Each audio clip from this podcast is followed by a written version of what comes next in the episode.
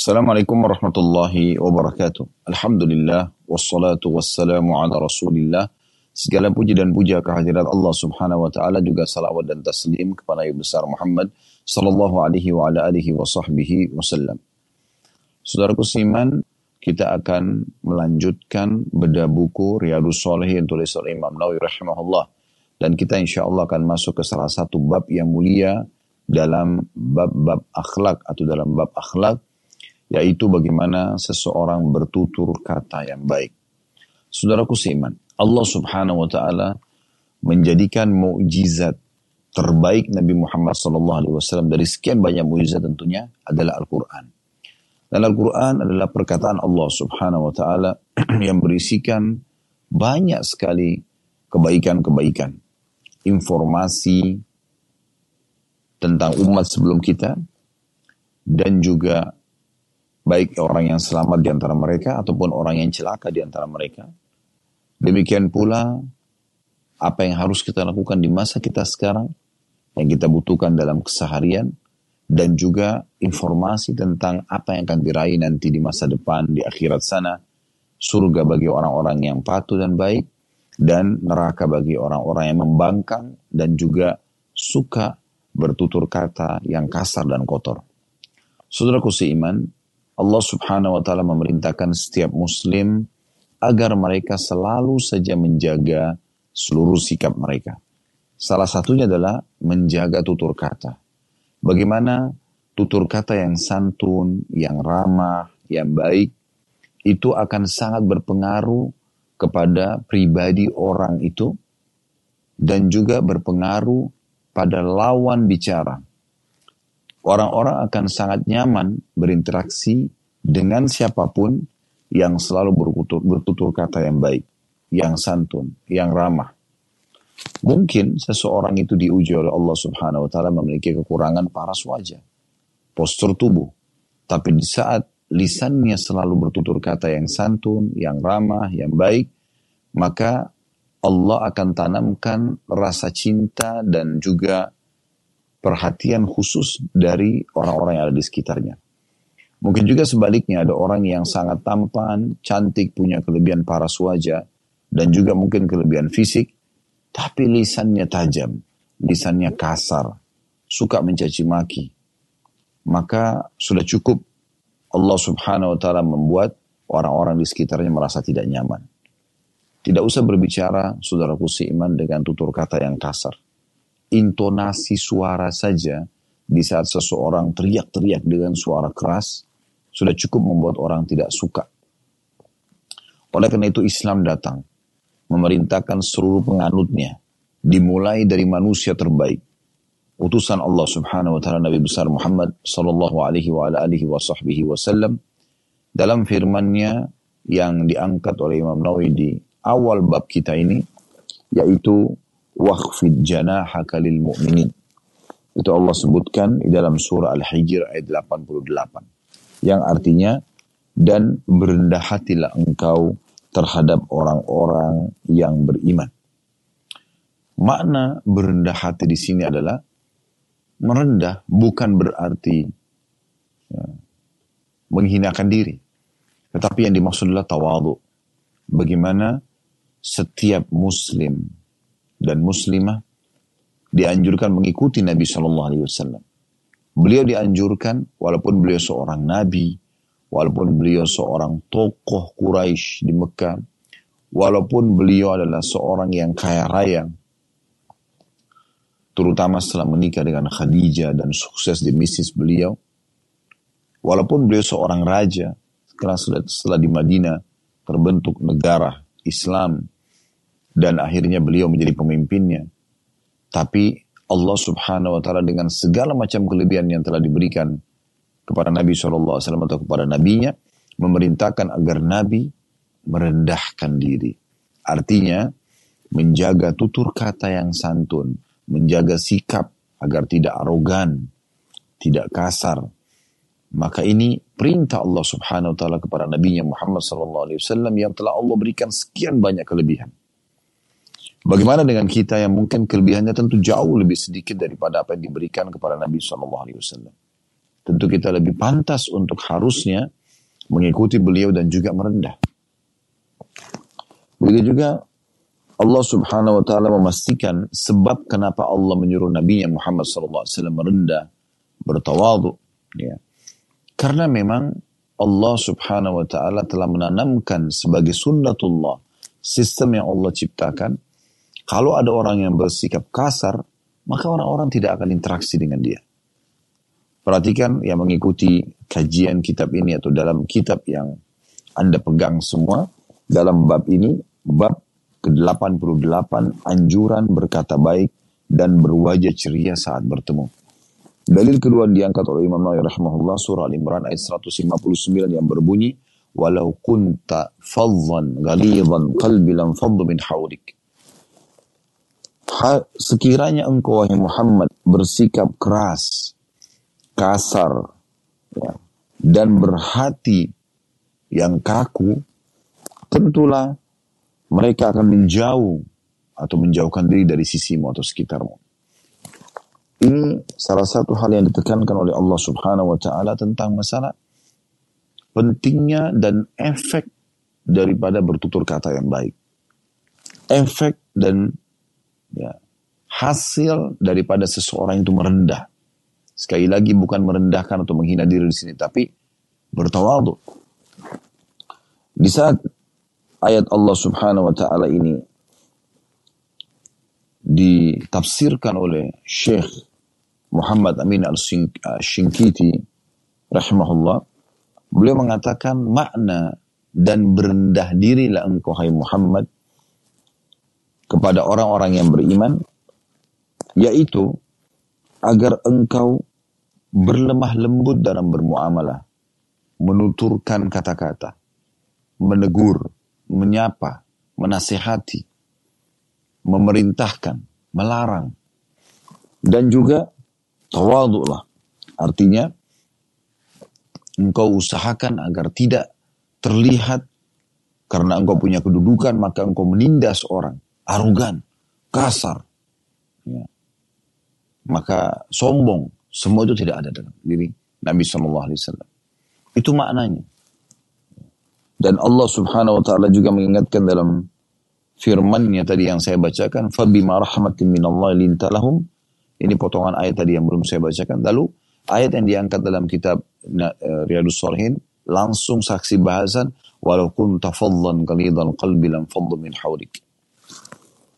Maka disebabkan rahmat dari Allah lah kamu bisa berlemah lembut terhadap mereka sekiranya engkau tuh bersikap kasar, lagi berhati yang kasar, keras, tutur kata yang kasar, baik dalam memberikan nasihat tadi, memerintah, melarang, ya, menyapa, maka pastilah mereka akan ah, mereka akan menjauhkan diri darimu.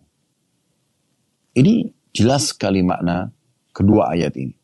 Bagaimana Allah Subhanahu wa taala memerintahkan Nabi Muhammad SAW untuk bertutur kata yang santun, dan memberitahukan tentang efek daripada tutur kata yang santun itu.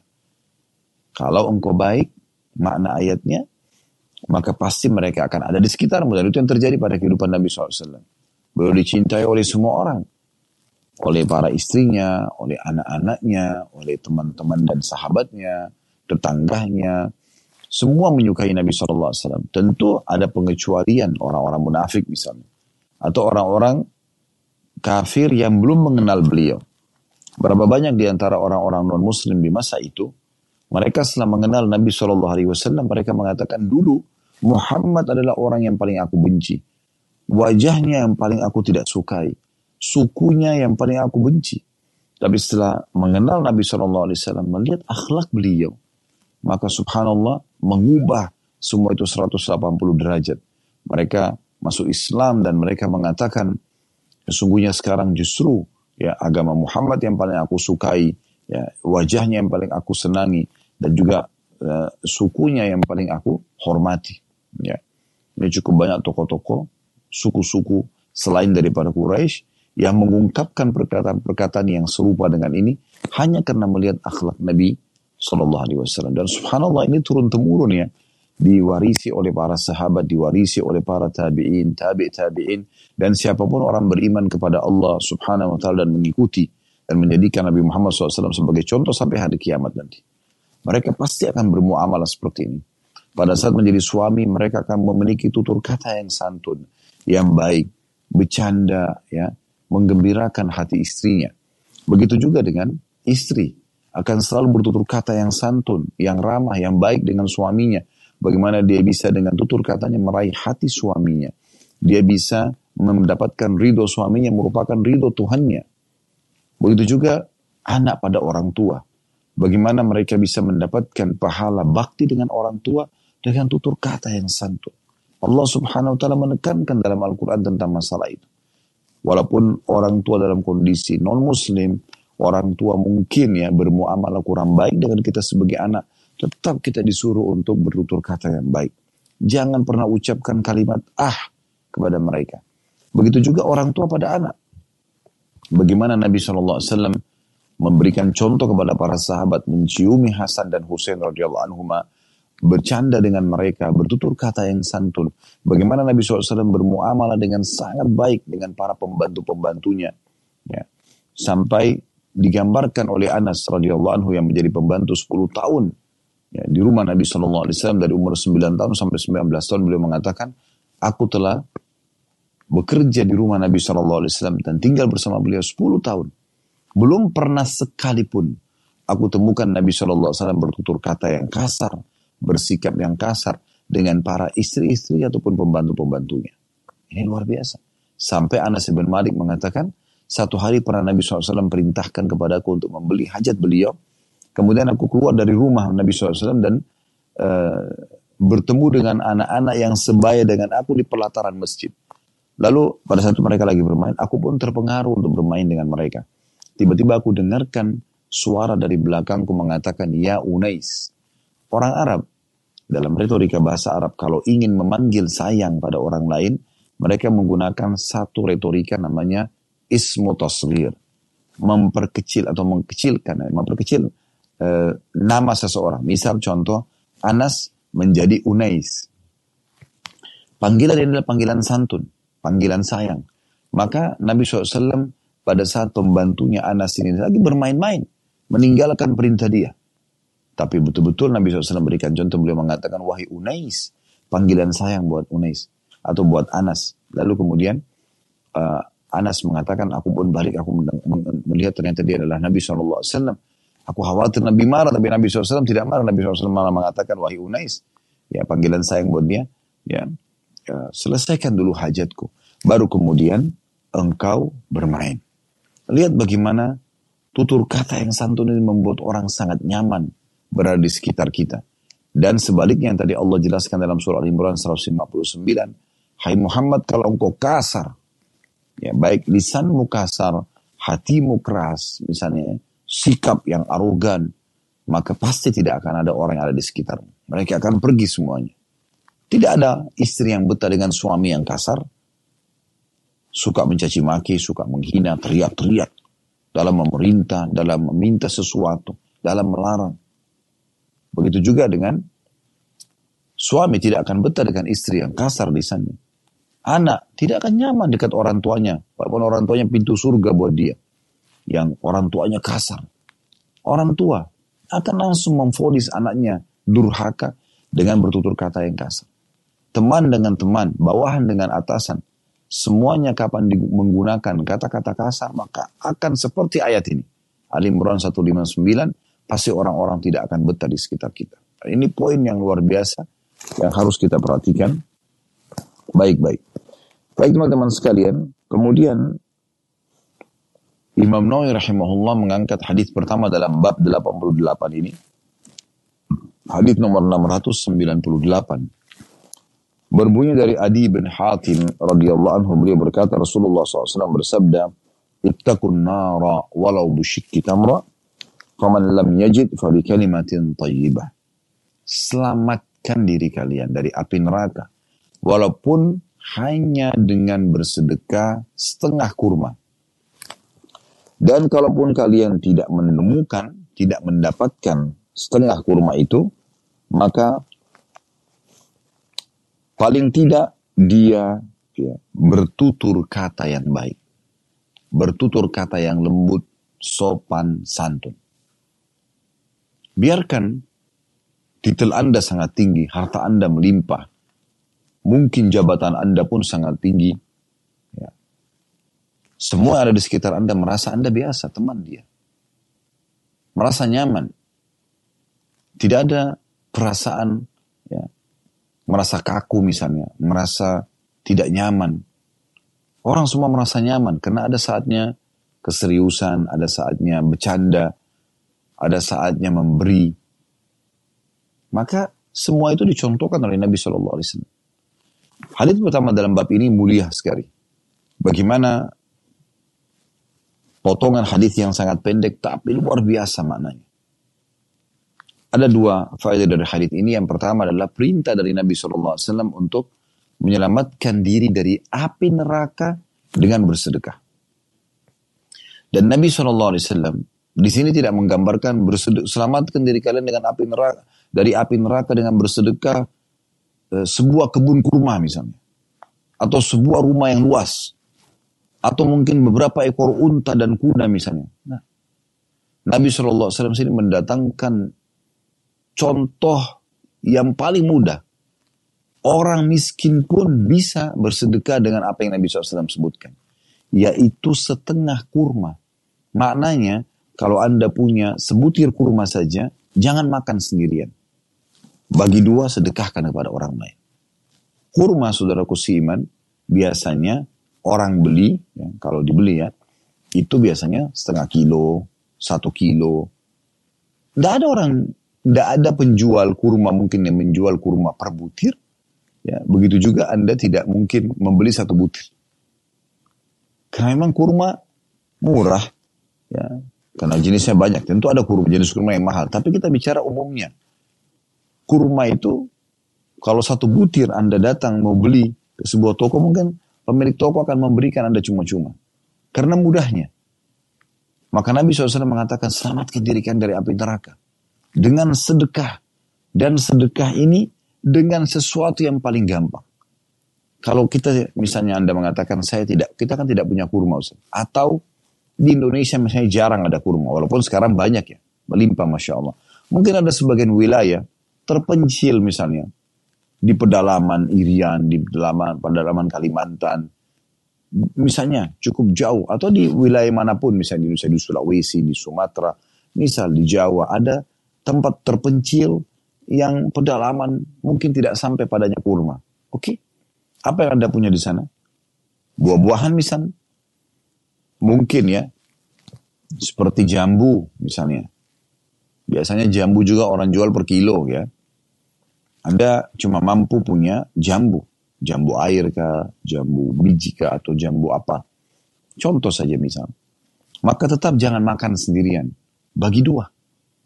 Mungkin di wilayah Anda jagung misalnya ada, mudah didapat misal contoh. Atau apa saja. Yang kira-kira Anda bisa dapatkan dan itu mudah buat Anda. Maka selamatkan diri dengan itu. Faedah kedua dari hadis adalah, ini saksi bahasan kita. Kalaupun mau opsi lain, atau tidak menemukan sedekah dengan sebutir kurma yang dibagi dua, maka kata Nabi SAW dengan tutur kata yang baik. Ternyata dengan bertutur kata yang baik ini terhitung sedekah dan bisa mendapatkan penyelamatan dari api neraka. Coba Anda bisa bayangkan. Api neraka yang berkobar-kobar yang akan membakar dan menjadi inti penyiksaan. Sesuatu yang paling besar yang diancamkan bagi orang yang membangkang kepada Allah Azza wa Jal pada hari kiamat adalah api neraka. Kata Nabi SAW akan didatangkan neraka pada hari kiamat yang ditarik dengan 70 ribu rantai, di satu rantainya ada 70 ribu malaikat yang menariknya. Begitu besarnya neraka tersebut. Dan Allah subhanahu wa ta'ala memberikan gambaran bagaimana dalam neraka itu taghayyuzan wa zafira. Ada suara, ada letupan-letupan. Menakutkan sekali. Kalau kita tersentuh sedikit api dari korek gas, di jempol kita saya sudah sangat panas. Bagaimana kalau seluruh tubuh? Tempat penyiksaan yang luar biasa. Orang walaupun belum pernah lihat neraka, maka kalau ditanya mau masuk neraka nggak, pasti jawabannya nggak mau. Allah subhanahu wa ta'ala memudahkan kita menyelamatkan diri dari api neraka dengan tutur kata yang santun. Walaupun Anda marah, Nabi SAW kalau marah, sering kali cuma terlihat dari raut wajah beliau. Atau kalaupun beliau menegur, maka beliau menegur dengan kosa kata yang tepat. Tidak berlebihan. Sehingga akhirnya cukup memberikan peringatan kepada orang tersebut. Ini akhlak. Ini hal yang luar biasa yang bisa menyelamatkan seseorang dari api neraka. Hadis yang kedua dalam bab ini urutan 699 dari awal belajar berbunyi dari Abu Hurairah radhiyallahu anhu bahwa Nabi SAW bersabda wal kalimatu thayyibatu sadaqah dan kata-kata atau tutur kata yang baik itu terhitung sedekah. Tentu kedua hadis ini, hadis pertama tadi dan hadis kedua ini 698 dan 699 dua-duanya diriwayatkan oleh Bukhari Muslim atau Muttafaqun Ali. Hadis kedua ini memberikan gambaran kepada kita ternyata setiap hari kita bisa lakukan ini. Setiap kali kita menyapa orang, Assalamualaikum warahmatullahi wabarakatuh. Apa kabar Pak? Apa kabar Bu? Atau kita tegur sapa dengan pasangan. Bagaimana kabar sayang misalnya. Sama anak-anak. Dengan santun dan ramah. Pahala semuanya pahala. Bisa menyelamatkan dari api neraka tadi hadis nomor 698. 699 Anda seperti bersedekah. Berapa banyak tutur kata yang kita bisa ucapkan dalam keseharian yang mendatangkan pahala yang melimpah karena terhitung sedekah. Menyelamatkan dari api neraka. Coba Anda bayangkan. Setiap hari kita akan ngomong, kita akan berbicara. Kita akan menyapa, kita akan menegur, kita akan menyuruh, kita akan melarang. Maka semua itu bisa kita gunakan untuk menjadi sedekah di jalan Allah Subhanahu wa taala. Ini luar biasa. Ya. Kemudian hadis yang terakhir yang diangkat beliau adalah hadis nomor 700 dari Abi Dzar radhiyallahu anhu. Ini hadis ketiga dalam bab kita. Beliau sallallahu alaihi wasallam bersabda, beliau berkata Rasulullah SAW bersabda la tahqiranna minal ma'rufi syai'a walau an talqa akhaka biwajhin talqin. Artinya Jangan sekali-kali kamu meremehkan kebaikan sedikit pun. Ya. Ada kesempatan segera lakukan. Meski engkau ya, hanya berjumpa dengan saudaramu dengan wajah yang ceria. Tunjukkan kegembiraan, keceriaan. Subhanallah ada orang, atau banyak orang memang begitu ya. Karena seringnya ceria, maka tampak di wajahnya keceriaan itu. Kita nyaman interaksi. Ada orang karena kesehariannya selalu emosional, marah, maka juga nampak di wajahnya orang tidak nyaman. Dari hadis ini kita bisa ambil pelajaran dua poin penting, faedah. Faedah yang pertama adalah bagaimana Nabi SAW memerintahkan kita agar jangan pernah menunda-nunda amal saleh. Walaupun kita anggap remeh. Mungkin karena kita anggap, oh cuma amal sunnah misalnya. Ini sekarang Ramadan. Dan kita sudah sebentar lagi insya Allah menutup Ramadan. Sudah di malam-malam terakhir, tanpa terasa. Sudah 21 hari berlalu. Saudaraku seiman, ada hadis Nabi Sallallahu Alaihi Wasallam. Man sama Ramadana, thumma atba'u sittan min syawal, kana kasawmad dahar. Siapa yang berpuasa Ramadan sebulan penuh, Lalu dia ikuti dengan enam hari dari hari Syawal.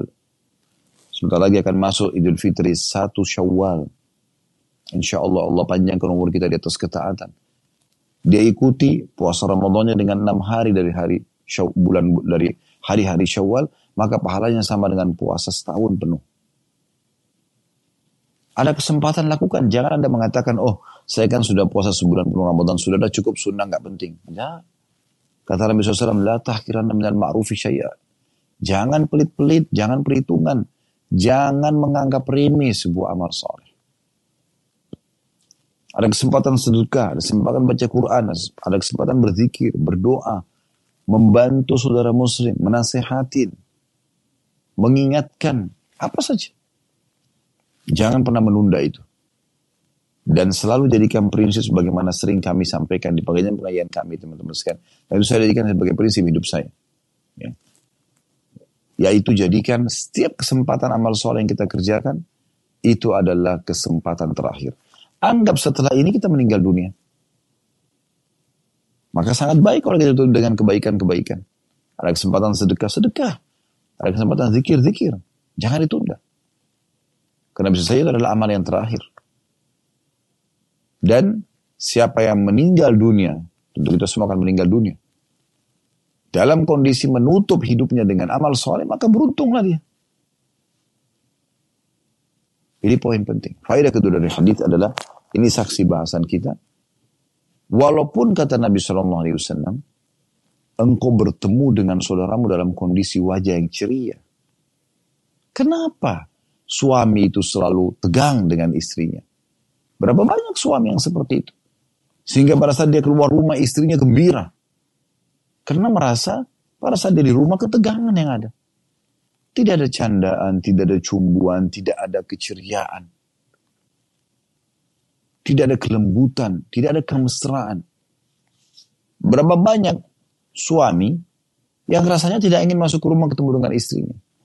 Karena setiap ketemu yang ada mata yang melotot, lisan yang kasar. Dan semua ini tidak boleh dalam Islam.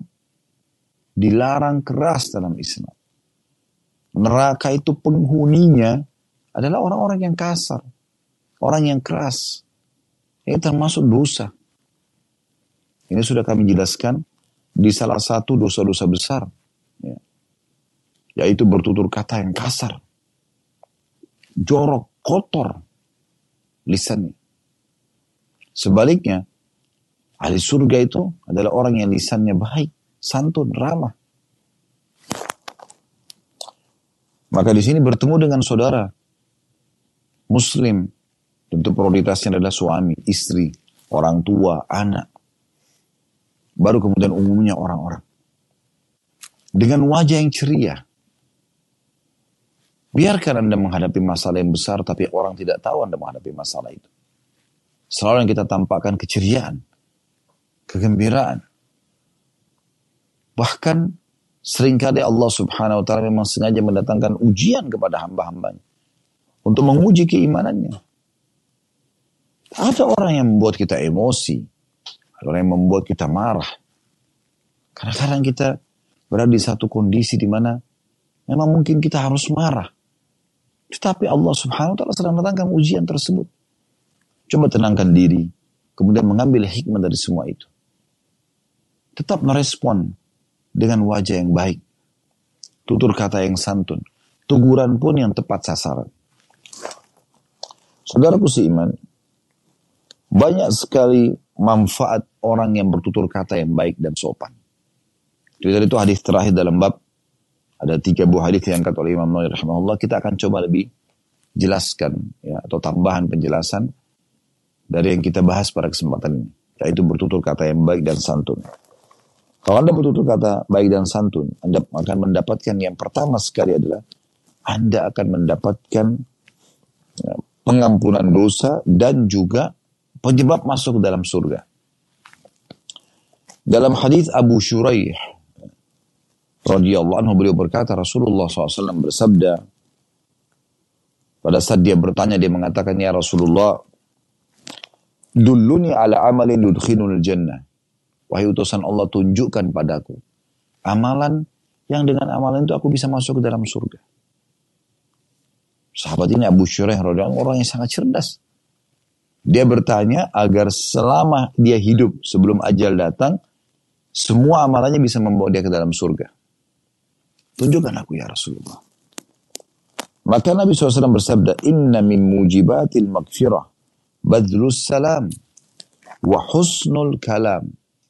Ini indah sekali perkataan Nabi SAW.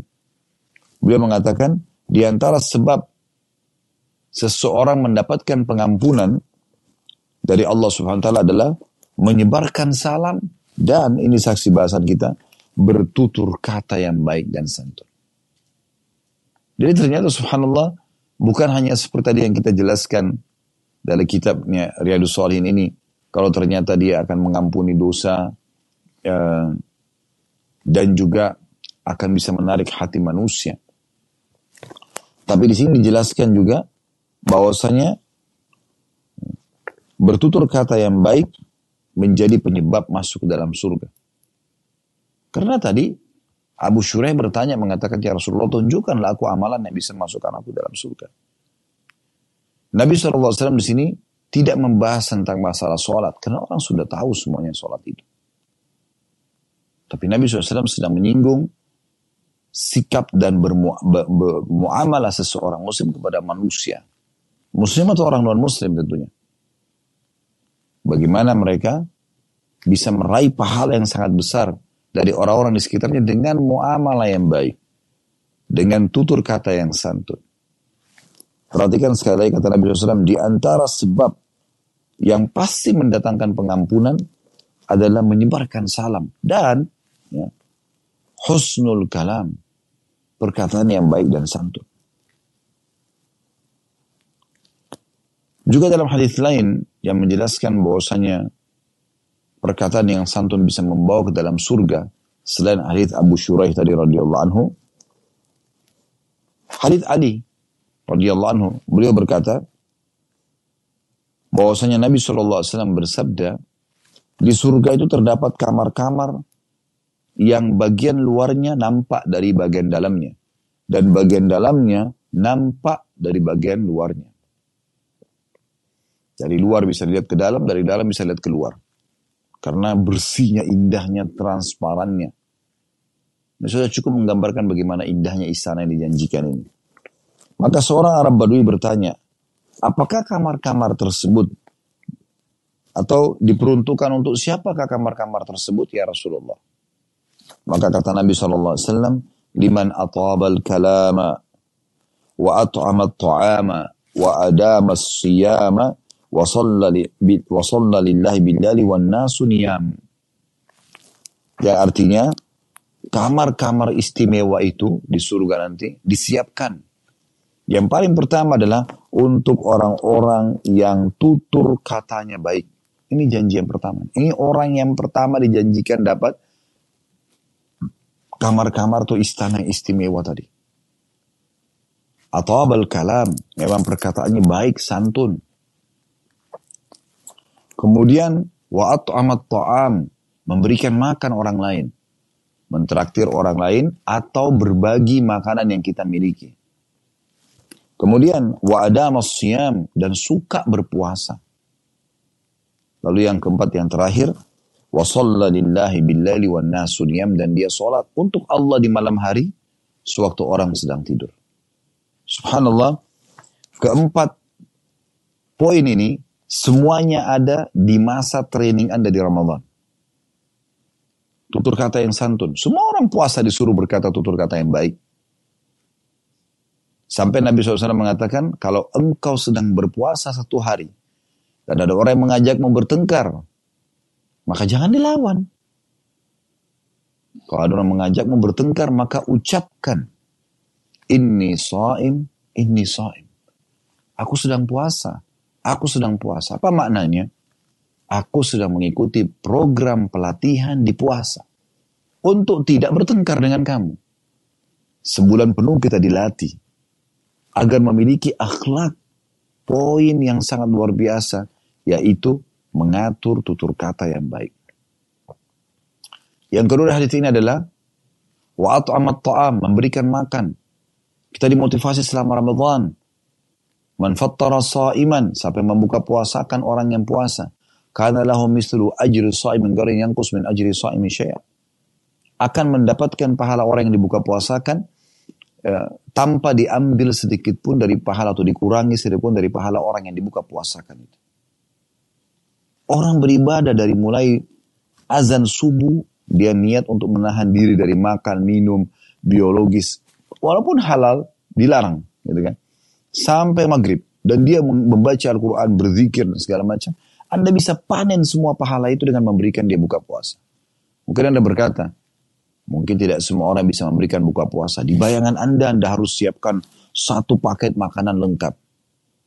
Pertanyaan ini pernah ditanyakan kepada Nabi SAW oleh seorang sahabat mengatakan, dia sambil mengatakan, ya Rasulullah, tidak semua orang bisa memberikan buka puasa.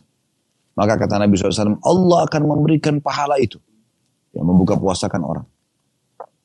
kepada seseorang ya yang memberikan buka puasa kepada orang walaupun sebutir kurma.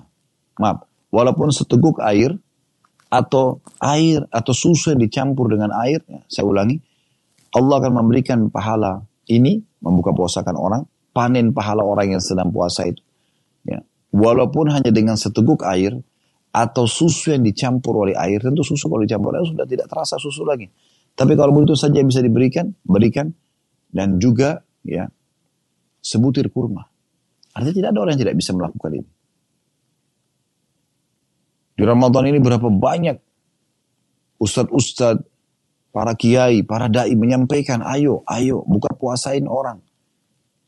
Rame-rame Masya Allah di negara kita, setiap RT, RW mengadakan buka puasa. Rumah-rumah warga digilir untuk bisa menyumbang ke musola. Anda pun bisa ikut di kegiatan-kegiatan yayasan sosial dalam membuka puasakan orang. Hampir seluruh yayasan sosial sekarang menawarkan program ini. Kami pun menawarkan. Kalau Anda ikutin kemarin kami sempat live.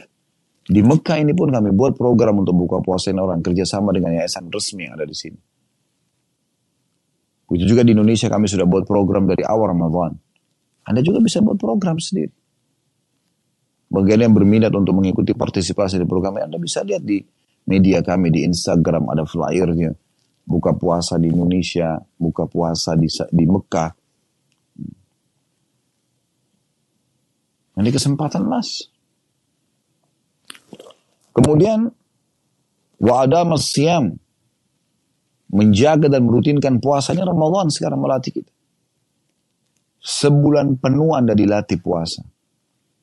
Kenapa selepas Idul Fitri seperti orang lepas dari penjara ibadah?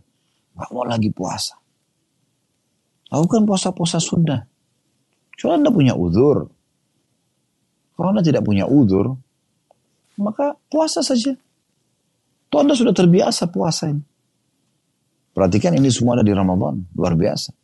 Tutur kata yang santun, ya, memberi makan orang, kemudian juga merutinkan puasa, menjaga puasa, dan sholat pada malam hari sewaktu manusia tidur. Kita sekarang diperintahkan sholat. Tarawih habis Ba'da Isya kalau Anda tidak terbiasa sholat di tengah malam misalnya. Di Mekah sekarang Alhamdulillah Allah mudahkan kaki kami ada di sini. Semoga Anda juga satu waktu bisa hadir di sini untuk bisa beribadah kepada Allah SWT. Ada tarawih, ada qiyamul lail lagi. Semalam setelah pandemi cuma dikerjakan tarawihnya 10 rakaat, witirnya dihilangkan dulu. Bukan dihilangkan, ditunda ya, selesai sekitar setengah sebelas malam, jam sebelas malam, karena di sini sekitar setengah sembilan azan isya, kemudian setengah satu malam, lanjut lagi dengan Qiyamul Lail. 13 rakaat, witirnya di situ. Jadi total semua 23 rakaat.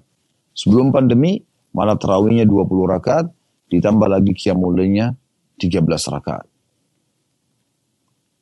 Saya saksikan sendiri semalam penuh masjid. Masya Allah, orang mengerjakan sholat.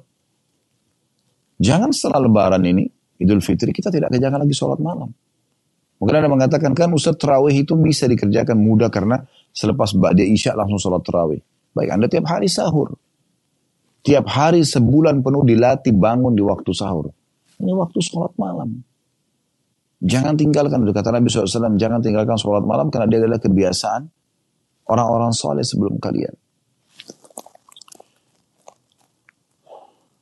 Begitu juga bisa menyelamatkan dari api neraka. Disebutkan dari hadis Adi bin Hatim tadi, yang kita sudah bacakan hadisnya di awal-awal bahasan Riyadus Solehin tadi. Ibnu Battal mengatakan, Ibnu Battal, maaf, mengatakan jika tutur kata yang baik dapat menyelamatkan dari siksa neraka, berarti sebaliknya, tutur kata yang kotor ya, dapat diancam dengan api neraka. Perkataan yang baik juga ini, selain menjadi pengampunan dosa, selain penyebab masuk dalam surga, juga akan menghilangkan permusuhan, kebencian orang. Ibn Battal juga mengatakan, di satu sisi perkataan beliau juga yang lain, Ketahuilah bahwa tutur kata yang baik dapat menghilangkan permusuhan dan dendam kesumat. Sebagaimana Allah Subhanahu wa taala telah berfirman dalam surah Fussilat ayat 34 sampai 35, "Idfa billati hiya ahsan." Tolaklah kejelekan itu Muhammad dengan cara yang baik. فَإِذَا الَّذِي بَيْنَكَ وَبَيْنُ عَدَاوَةٌ كَأَنَّهُ وَلِيٌّ حَمِيمٌ Maka tiba-tiba orang yang di antara engkau dan dia ada permusuhan seolah-olah menjadi teman yang sangat baik. Ibnu Abbas radhiyallahu anhu berkata, Allah memerintahkan pada orang beriman untuk bersabar ketika ada yang membuatnya marah. Membalas keburukan dengan kebaikan jika ada yang berbuat buruk, ya. Jika seorang hamba melakukan hal seperti ini, Allah akan melindunginya dari gangguan syaitan dan akan menundukkan musuh-musuhnya. Malah yang semula bermusuhan bisa menjadi teman dekat karena tingkah laku yang baik.